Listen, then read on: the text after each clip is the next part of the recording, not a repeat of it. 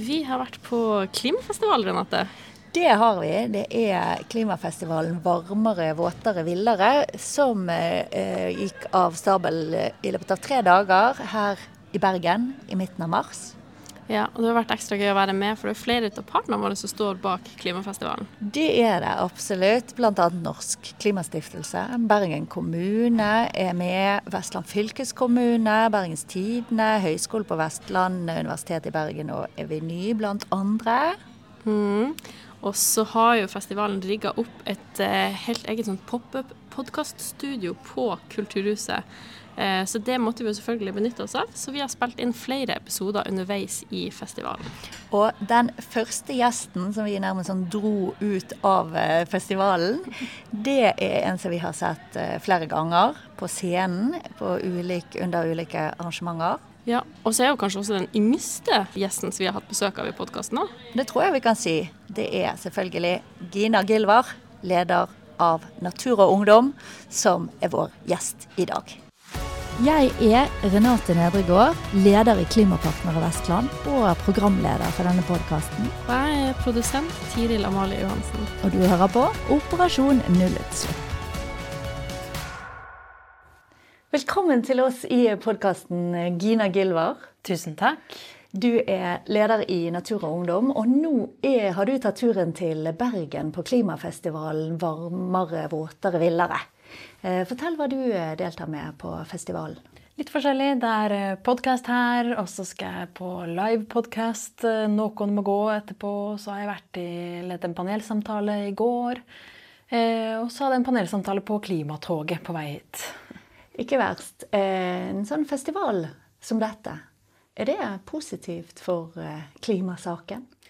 Det tenker jeg absolutt. Eh, du når en helt annen målgruppe. Du samler masse dyktige, relevante folk. Det er utrolig mye bra opplegg. Så merker jeg at jeg kan få litt sånn klump i magen hvis det blir for eh, for mye liksom bare pils og god stemning og øya-merch og liksom Jeg trenger at man også tør og orker å være i det alvoret som dette faktisk er. Fordi det er, det er blodig alvor, og det handler om menneskers liv som, som dør allerede i dag. Eh, sånn at det eh, aspektet må vi ha med oss inn også når vi skal hygge oss og snakke om løsninger. Og Det var jo et av eh, temaene som du har vært med på å lede en samtale om under eh, festivalen. Om det er det rom for optimisme i eh, pessimismens tid. Fant du noe svar på det? Ja, det mener jeg jo absolutt at det er. Det skjer jo masse bra. Og vi skal jo både kutte utslipp og redde viktig natur og arter osv. Og så tror jeg at for at man skal tørre å ta de grepene som trengs, og gjøre det i den hastigheten som trengs, så må man også tørre å ta inn eh, hvor stor denne krisen faktisk er. er vi, snakker vi for lite om det? Ja, alltid. Egentlig burde statsministeren vært oppe på talerstolen hver eneste dag og fortalt at vi står i en akutt og altomfattende klima- og naturkrise som krever handling nå. Egentlig burde han stått der og sagt at vi skal kutte 55% av utslippene våre på syv år, så alle må bare komme i gang. At dette her kommer til å være krevende, at det er en felles dugnad alle skal være med på. Um, og at det er minst like viktig som under pandemien. Men det gjør han jo ikke. Dette er noe vi skal snakke mer om, Gina. Men eh, før vi eh, fortsetter på den samtalen, så må vi stoppe litt opp med natur og ungdom. Eh, fordi at vi kjenner jo godt til natur og ungdom, mange av oss fra tidligere. Da jeg var ung på 90-tallet, så var det en stor greie. Men hva er natur og ungdom i dag? Nei, Det er Norges største miljøvernorganisasjon for unge med lokallag over hele landet og en viktig aktør, stemme, i klimadebatten. Så jeg tenker at NU gjør, eh, er veldig viktig på to måter. Det ene er jo det man gjør i politikken. hvor um, Jobbe opp mot politikere, være aktiv i pressen, ha store aksjoner osv. Og, og det andre er jo den skolen og utdanningen det er for unge folk. Uh, jeg har vært med i Natur og Ungdom siden jeg var tolv. og uten tvil den viktigste delen av min utdanning har jeg fått i denne organisasjonen. Ehm, både liksom de verktøyene ehm, jeg trenger for å være med å skape endring, og så troen på at jeg har noe å komme med. Og Natur og Ungdom har jo blitt ekstra lagt merke til under festivalen. For dere fikk faktisk en eh, sånn ordentlig fjær i hatten under åpningen av festivalen. Og for de som ikke har fått det med seg, så må du fortelle hva som eh, skjedde da. Ja, det var veldig stas. Anja Bakken Riise vant jo festivalprisen. Um, og i talen sin så trakk hun veldig frem arbeidet til Natur og Ungdom, oss som organisasjon. Eh, og det var veldig, veldig mange flotte ord. veldig hyggelig å høre på. Eh, og sa jo også at hun ville dele prispengene eh, med oss i NU. Så det var, eh, det var, det var stort. Og jeg har notert hva hun faktisk sa, for hun sa at Natur og Ungdom er en av de aller, aller viktigste organisasjonene i Norge. Eh, hvordan er det for deg å ha det vervet at du leder denne organisasjonen? Det er jo en ære å få lov til å stå både i disse viktige kampene å være på ja, det jeg tenker er det viktigste stedet man kan være akkurat nå. Og også få jobbe med så mye bra folk hver eneste dag.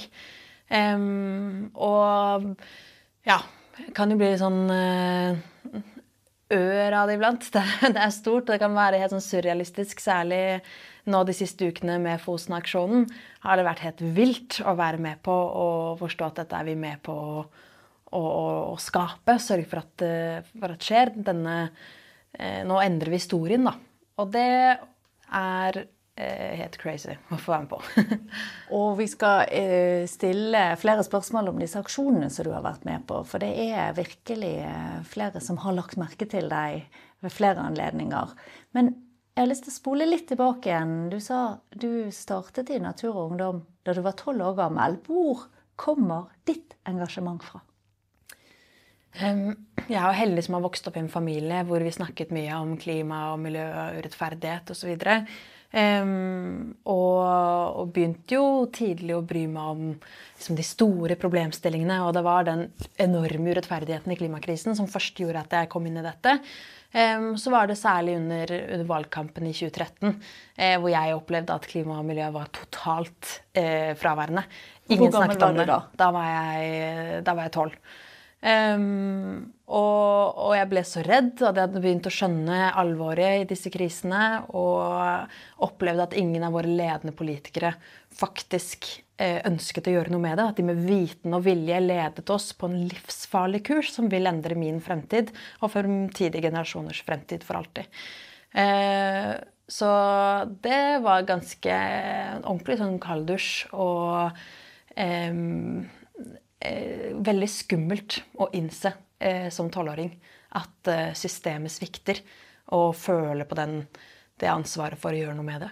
Er det riktig at en tolvåring skal føle på det ansvaret? Det burde jo ikke være sånn. Men, men, åpenbart så har jo ikke de voksne generasjonene tatt sitt ansvar de siste mange tiårene. Så vi trenger det jo. Og personlig er jeg jo takknemlig for at jeg kom inn i Natur, Ungdom og klimakampen. Eh, det er jo det viktigste i livet mitt, og det er det jeg har lyst til å drive med for alltid. Men, men vi er så mange som er sinte for at vi er her og trenger å bruke hele livet vårt på det. Eh, du har snakket litt om reaksjonene dine når du får høre fra oss voksne, og at vi blir veldig håpefulle når vi ser engasjementet til ungdommen, og at eh, dere står på og kjemper for fremtiden. Mm. Hvordan reagerer du når du får sånne mm, kommentarer? Jeg vet jo at det er ment hyggelig eh, som regel. Eh, og det er noe av det vanligste folk sier, rett og slett. At eh, dere gir meg håp, og det er så flott å se ungdommen, og dere skal redde verden, og får troen på fremtiden når jeg vet at dere er her, osv. Det er fint. Problemet er jo at det bare er, er ikke vi som skal gi håp, og det er ikke vi som skal redde verden. Eh, vi har syv år på å halvere utslippene. Eh, det er ikke vi som er i maktposisjoner, det er ikke vi som skal kutte de utslippene. Det er dere, det er de voksne. Eh, og det å da eh, legge det håpet på tenåringer er en helt enorm ansvarsfraskrivelse. Eh, og ja, jeg håper folk eh, tenker, litt, eh, ekstra, tenker, seg ekstra om før de sier det neste gang. Og heller kommer med en liste over ting de selv har lyst til å gjøre i eget liv, eh, enn hva de håper at eh, folk på barna deres alder, barna deres sin alder skal gjøre. Dette er ganske klart budskap, Gina, som jeg kjenner at vi her i Operasjon nullutslipp virkelig skal ta inn over oss. Eh, hva sier du, Tiril? Ja, ja, absolutt. Eh, og så når du snakker om de voksne, så må jeg bare spørre, er det noe, eh, er det noe du syns at eh, alle de som sitter i sånne topplederposisjoner, er for dårlige på? Det meste, er det lov å si, når det kommer til klima og miljø. Eh, jeg tenker én ting er jo å alltid ha med seg dette alvoret, hvor mye det haster, og forstå at dette her ikke bare handler om liksom businessmuligheter, men, men, folk som akkurat nå bor i overfylte flyktningleirer pga. klimakrisen, eller, eh, altså, eh, eller, har et land under vann, eller eh, lignende. Um, og, og, da gjøre det som trengs. Og det kommer til å koste, og det kommer til å svi og være vanskelig akkurat nå. Og så vet vi at vi tjener enormt mye på det som samfunn og menneskehet eh, i fremtiden. Um, men man må gå lengre enn det man tror er mulig. Eh, og man må orke å innse at det kommer til å ha noen konsekvenser for deg og ditt liv også. Og da vet vi jo at eh, liksom generasjonen sånn 40-60-ish er de som er minst villige til å gjøre endringer i eget liv eh, for å håndtere klimakrisen. Hvilke endringer da, f.eks.? Det er jo alt på, fra, eh, på individnivå. Dette at vi må reise annerledes, bo annerledes, spise annerledes, eh, forbruke annerledes. Um, og så er det jo det at samfunnet må, må endre seg totalt. Um, og her er det en kobling. Jeg er veldig opptatt av at hele dette ansvaret ikke ligger på individer. Det er systemer som må endre seg. Det er politikerne, det er næringslivet. Men det vil resultere i at vi må leve livene våre annerledes. Vi kan ikke fly på businessmøter hele tiden. Vi kan ikke forvente at vi alltid skal kunne kjøre på firefelts motorvei i 110 km i timen. Uh, vi kan ikke hele tiden kjøpe nytt. Uh, nordmenn har et forbruk som, uh, som tilsvarer at vi hadde trengt 3,4 jordkloder hvis alle skulle hatt det samme forbruket som oss. Vi har bare én. Sånn at der må vi åpenbart gjøre noen store endringer. Det du nevner her, det kanskje komfortable ting som vi må gi slipp på, men eh, det er jo ikke akkurat noe som svir så veldig. Å handle litt eh, mindre eller eh, ikke nødvendigvis få lov til å bygge så mye man vil.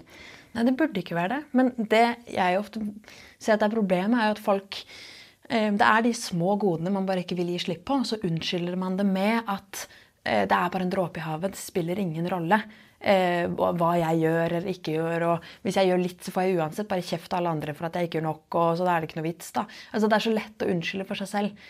Eh, eller å telle utslipp og tenke at sånn på, på, antall gram at hvis jeg begynner å kjøre elbil, så er kanskje ikke det så bra, fordi så er det det batteriet og sånn.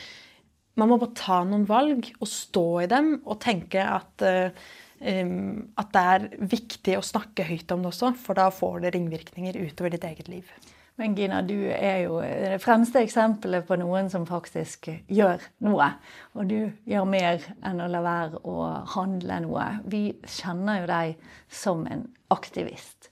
Fortell hva den rollen betyr for deg. det er jo eh, den viktigste delen av min identitet er jo å være aktivist, og det er noe av det jeg er aller stoltest over å være. Um, og ofte er aktivist litt sånn et skjellsord.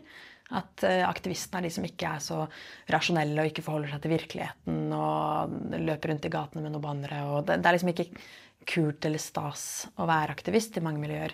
Men for meg er aktivisme det å gå litt utover din egen rolle og ditt eget mandat. Det å forstå at her har vi alle et ansvar for å stanse en urettferdighet.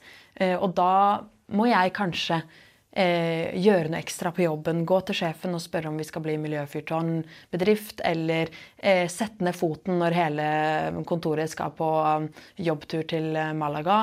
Eh, eller, eh, eller, si at nå skal vi faktisk eh, ha noen tiltak i dette kontorbygget som gjør at vi ikke sløser så enormt mye med energi. Eller, altså det er mange av de små tiltakene som også er aktivisme, som ikke trenger å være på Eidsvolls plass utenfor Stortinget. Så man trenger ikke å lenke seg fast for å kunne være klimaaktivist? Absolutt ikke. Du er veldig velkommen. Men, men, det trengs ikke. Så mener jeg at noe av det viktigste er jo at politikerne og næringslivet skal kjenne dette presset.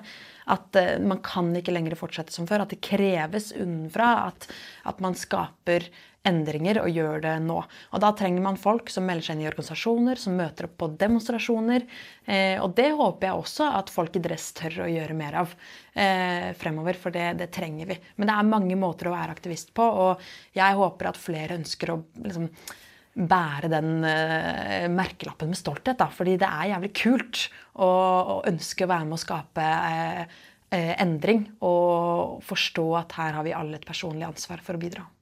Vi må nærmere inn på dette, for du Gina, har jo vært villig til å gå ganske langt for det du tror på. Hva er, hva er det lengste du har gått i aktivismens navn? Nei, det er jo sivil ulydighet. Dette å bryte loven med viten og vilje. Bli båret bort av politiet og kjørt av gårde med politibil. Når skjedde det? Først ved Førdefjorden i vår. Da kjempet vi for å redde denne fantastiske vestlandsfjorden fra eh, millioner med tonn av giftig gruveslam. Og lenket oss fast i anleggsmaskinene for at de ikke skulle kunne starte opp. Så da ble jeg arrestert to ganger og fikk eh, to bøter på 12 000 kroner hver. Eh, og, bodde egentlig i bygda Vevring i ukevis i strekk den våren. Eh, og så andre gangen var jo nå under Fosen-aksjonen. Eh, da jeg var med å okkupere Olje- og energidepartementet først i fire døgn. Og så ble jeg hentet ut av politiet midt på natta, eh, natt til mandag, og kjørt av gårde til Grønland politistasjon.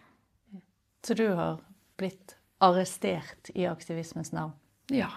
Det tenker jeg. Ja, det er viktig.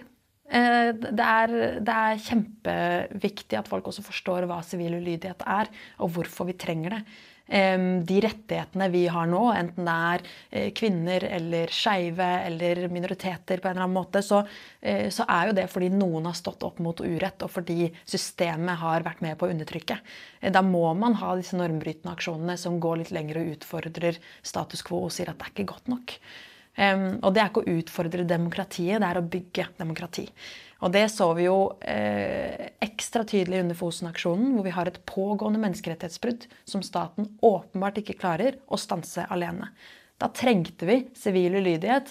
At eh, 250 unge folk okkuperte ti departementer i regjeringskvartalet før eh, regjeringen klarte å, å, anerkjenne menneskerettighetsbruddet og be om unnskyldning og forhåpentligvis finne en løsning eh, fremover. Sånn at Sivil ulydighet det er en sikkerhetsventil i det norske demokratiet. Det høres jo litt brutalt ut når du sier at du blir båret ut av politiet, og vi har sett bilder hvor du lenker deg fast. Sånn. Hvordan er det egentlig eh, å gjøre de her tingene? Mm, det er eh, ganske hardt. Det er ikke gøy. Det er ikke, vi gjør det ikke for moro skyld. Eh, å sitte inne i Olje- og energidepartementet de første 26 timene hadde vi matnekt. Så vi spis, fikk ikke spise noen ting. Vi fikk ikke igjen medisiner. Eh, altså antidepressiva, p-piller, linser. Eh, ingenting. Eh, vi fikk ikke gå på do. Eh, vi fikk ikke åpne dørene for frisk luft. Altså, det, det, er ikke, det, er ikke, gøy å sitte der, i tillegg til at du har dette alvoret med at du må sette hele livet på vent for å stanse en urett som staten og våre ledende politikere burde tatt ansvar for. Mm. Og så har du på en måte siste utvei, hvor du bruker rett og slett din egen kropp for å hindre dette rettighetsbruddet, fordi det er det man har igjen. Fordi man har vært i f.eks. rettssystemet, i politikken, skrevet jævlig mange leserinnlegg, hatt lovlige demonstrasjoner over hele landet. Um, og det å da bli båret ut med makt av politiet er eh, en ganske vond opplevelse, eller kan det være. Um, og oppleves veldig sånn voldsomt under Fosen-aksjonen hvor vi blir våknet opp midt på natta av at det stormer 20 politimenn inn i rommet og sier dere har 15 minutter på å fjerne dere. Eh, og man må liksom få på seg bukser mens de bare flommer inn. Altså, det er en ganske sånn eh, skremmende opplevelse, rett og slett. Eh, men helt nødvendig. Får dette konsekvenser for deg? Nei, altså Man får bøter. Høye bøter. Og det er veldig synd om sivil ulydighet blir liksom en rikmannssport. Fordi eh, dette her er for å beskytte våre grunnleggende rettigheter, noe alle burde kunne ta del i. En viktig del av ytringsfriheten. Um, og så heldigvis så er det jo veldig mange som har lyst til å støtte disse aksjonene. Vi har jo opinionen med oss, sånn at folk eh, vipser jo og bidrar med det de kan for å dekke bøter. Um, og utover det er det veldig mange som har et sånn skremselsbilde av hva sånn Oi, jeg kan aldri komme inn i USA, eller jeg kan aldri bli politi, osv. Eh, det stemmer jo ikke. Um, men, eh, men, det er åpenbart en emosjonell belastning å aksjonere på den måten. Um, men personlig får iallfall jeg så veldig mye mer igjen for det enn det jeg gir. Du sier sivil ulydighet er en sikkerhetsventil i demokratiet, men jeg regner med at dere helst egentlig skulle sluppet. Eh, hva mener du at har feilet når dere må gå så langt som å gå til sivil ulydighet? Det varierer jo fra sak til sak. Um, iblant er det forvaltningen som feiler i at man man rett og slett har ulovlig saksbehandling, man samler ikke inn nok fakta, man lener seg for mye på utbyggerselskapenes analyser som har eh, store egeninteresser. Eh, det kan være at man ikke tar hensyn til fremtidige generasjoner. Demokratiet vårt har et stort problem. Og det er jo at de valgene vi nå tar, har enorme konsekvenser for folk som ikke kan stemme eller delta i det norske demokratiet. Det er fremtidige generasjoner, men det er også de ungdommene som eh, sto liksom med to meter vann opp til, eh, til, halsen i Pakistan i sommer. Eller eh, barna på Afrikas Horn som ikke har tilgang til, til rent vann eller mat. Eh, sånn at de påvirkes av norsk politikk og oljepolitikk og har ikke den stemmen. Som gjør at mm, da holder det ikke bare at folk stemmer eh, og deltar på sine egne vegne. Enten så må folk klare å delta på alles vegne, eller så trenger vi da denne aktivismen som bidrar, er en sikkerhetsventil, er demokratiets støttehjul for å sikre at, at vi ivaretar fleres rettigheter enn de som er her akkurat her og nå. Er det sånn at uh, politikerne er for lite solidariske, rett og slett? Eller er det kunnskap det handler om? Har vi for lite kunnskap? Vi har all kunnskapen. Den har vi hatt lenge. Kunnskapen, løsningene, teknologien, eh, pengene. Det som mangler, er vilje. Ehm, for politikerne så er det et eh, valg annethvert år de må forholde seg til. Da er det skummelt å ta upopulære valg, men det trenger vi. Vi trenger de modige politikerne. Ehm, og for næringslivet er det veldig skummelt å innse, opplever jeg ofte, at dette her går utover profitt. Det er ikke bare sånn at det kommer til å være sykt lønnsomt med klimakrisa og masse bra løsninger, og det kan bygges mye grønn industri, og det er helt konge. Dette, det første som må gå når vi eh, skal eh, gjennom denne omstillingen, det er superprofitten. Eh, fordi det er ikke et alternativ å bryte menneskerettigheter eller rasere masse verdifull natur på veien. Nå har vi snakket om de voksnes ansvarsfraskrivelse. Du har kjempet for denne saken siden du var 12 år. Nå er du 22? 21. 21 år. Eh, Tiril, mm. vi kan ikke overlate det viktige klimaarbeidet til tolvåringer Nei, overhodet ikke. Det er faktisk helt uaktuelt. Hva eh, Hvis du kan gi en ordentlig utfordring, Gina eh, De som hører på denne podkasten, det er næringslivsledere, det er politikere, det er voksne som allerede har tatt et standpunkt at dette er viktig. Dette er noe de ønsker å kjempe for. Eh, hvis du kan gi oss en sånn ordentlig dytt. Eh, hva må vi gjøre mer av? Det er mange konkrete tiltak å ta tak i.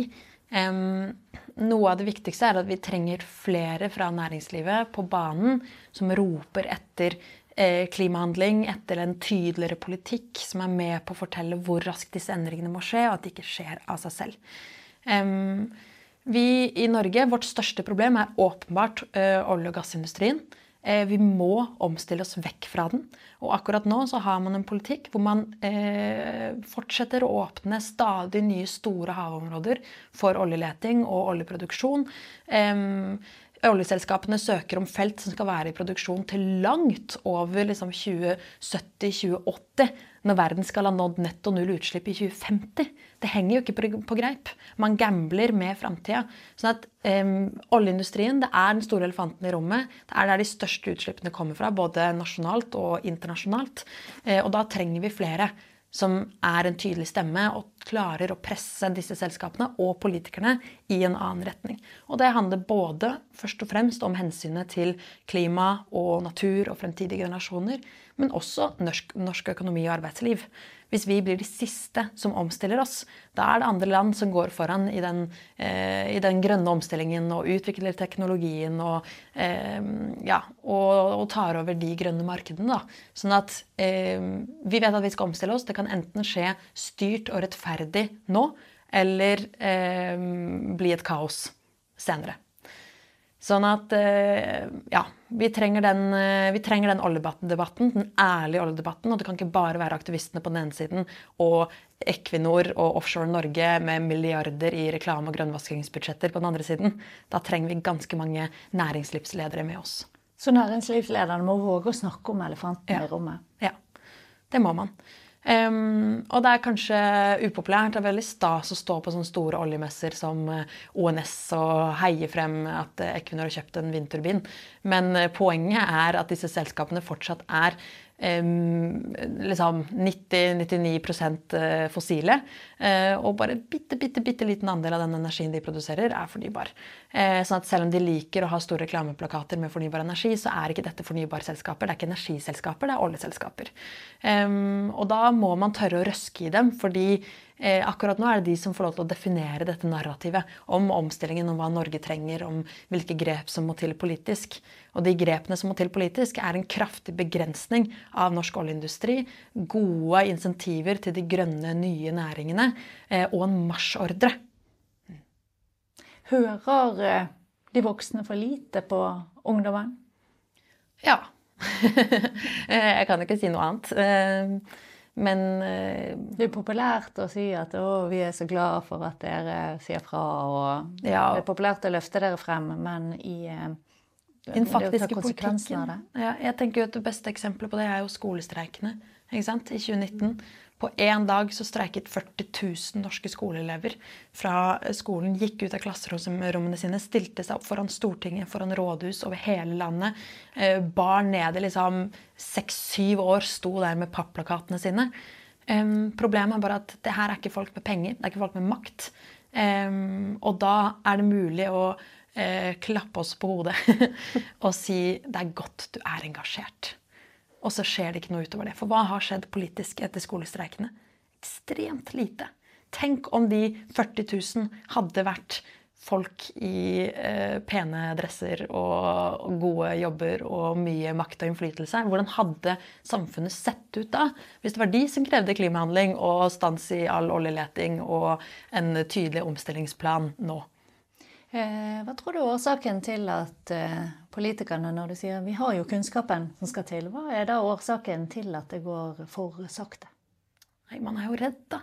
Det er jo veldig, veldig, veldig lønnsomt akkurat nå å fortsette på akkurat denne kursen. Um, og man er redd for at det vil være upopulært, at man vil miste velgere. Um, er i hvert fall min opplevelse av det. Så uh, vet jeg veldig godt at dette her ikke er svart-hvitt. Eh, at det er et kjempekomplisert landskap. Og jeg kan gjerne gå inn i diskusjoner om når vi snakker om uh, oljeindustrien, om leterefusjonsordninger eller friinntekten eller liksom de detaljene der. Vi kan gjerne snakke om, uh, ja, om havvindsatsing og konsekvensutredninger. Altså, det er mange sånn sidespor og viktige debatter å ta. men men det store, overordna perspektivet om at vi kan ikke fortsette på den kursen her, det mangler, og det tør de ikke å ta et oppgjør med. Eh, dere som er unge nå, det er jo dere som skal eh, styre landet i fremtiden. Eh, samtidig så er det jo 21 år. Det er litt for, litt for ungt å forvente at man skal ta det ansvaret. Men hvis du ser for deg et drømmescenario, at, at vi lykkes med dette, hvordan ser ditt liv ut når du blir voksen om 20 år? Um Nei, jeg vet jo at vi kommer aldri til å løse alle disse utfordringene innen jeg rekker å bli voksen og deretter pensjonist. Ehm, det kommer alltid til å være noe av eh, kriser og urettferdighet å jobbe med. Eh, så jeg ser for meg et liv i klima- og miljøkamp. Ehm, og om det kommer til å sikkert se veldig ulikt ut, håper jeg jo, om 20 år.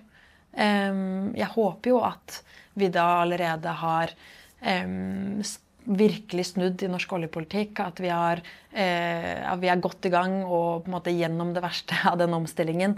Eh, at vi ser at det skaper et bedre samfunn, ikke et verre, med andre verdier enn det vi setter pris på akkurat nå. Eh, som også skaper gode og bedre liv for folk.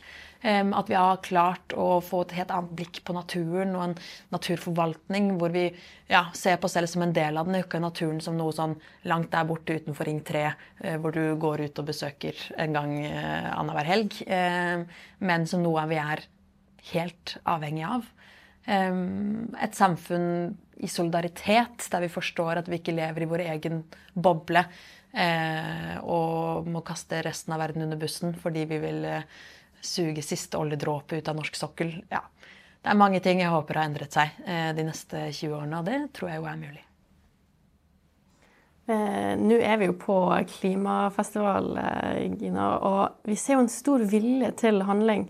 Og her i Klimapartnere så har vi jo veldig mange ledere i både næringsliv og i politikken som virkelig ønsker å gjøre en forskjell. Eh, så kan ikke du komme med en utfordring til oss? Noe av det vi trenger, er det folkelige presset. Og det um, fikk seg jo en knekk under pandemien, åpenbart. Uh, og vi trenger at folk tar til gatene. Igjen, det har vi sett under Fosen-aksjonen. Den fysiske tilstedeværelsen er noe av det som virkelig presser politikerne til å ta ansvar. Det jeg ønsker meg fra enhver næringslivsleder, det er at de i løpet av uh, ja, før sommeren drar på minst én demonstrasjon. Få med seg en håndplakat. Står der og krever eh, ansvar, og ikke kle deg ut som en aktivist. kanskje som den aktivisten du er. Og at man melder seg inn i minst én organisasjon, hvis man ikke er med allerede. Men det finnes alltid en til å melde deg inn i. Eh, fordi det er når vi samler kreftene at vi står sterkest. Og alle de miljøorganisasjonene som jobber med dette hver eneste dag, trenger alle de medlemmene de kan få. Har du tro på at vi vil lykkes? Um, jeg tenker det både ja og nei. Vi vil lykkes med mye, og vi vil feile i mye. Klimakrisen er ikke noe vi kan løse i fremtiden. Den har skjedd allerede. Mennesker har dødd av klimaendringene i årevis allerede. Sånn at det er ikke noe vi kan hindre fra å skje. Og dermed har vi også feilet allerede. Um, arter har allerede blitt utryddet og blir utryddet hele tiden. Uh, eh, 70% av all verdens dyreliv har forsvunnet de siste 50 årene. Sånn at det er tall man bare må innse og eh, kjenne, gjerne ha en liten klump i magen for, og kanskje det kan inspirere litt ansvarsfølelse. Men vi kommer også til å lykkes i mye. Det er jeg helt sikker på. Vi kommer til å redde millioner av eh, skjebner og arter og landområder. Vi kommer til å holde fjorder fri fra gruveslam. Vi kommer til å klare å stanse menneskerettighetsbrudd i Sápmi, stoppe oljefelt, verne skoger. De kampene tar vi og vinner vi. Og så må vi bare vinne enda flere og enda fortere. Gina Gilver, leder i Natur og Ungdom, takk for at du utfordrer oss. Takk for at uh, du minner oss på at vi skal faktisk lytte til denne klumpen i magen. Mm. Og så skal vi eh, si eh, tusen takk for at du var med i podkasten.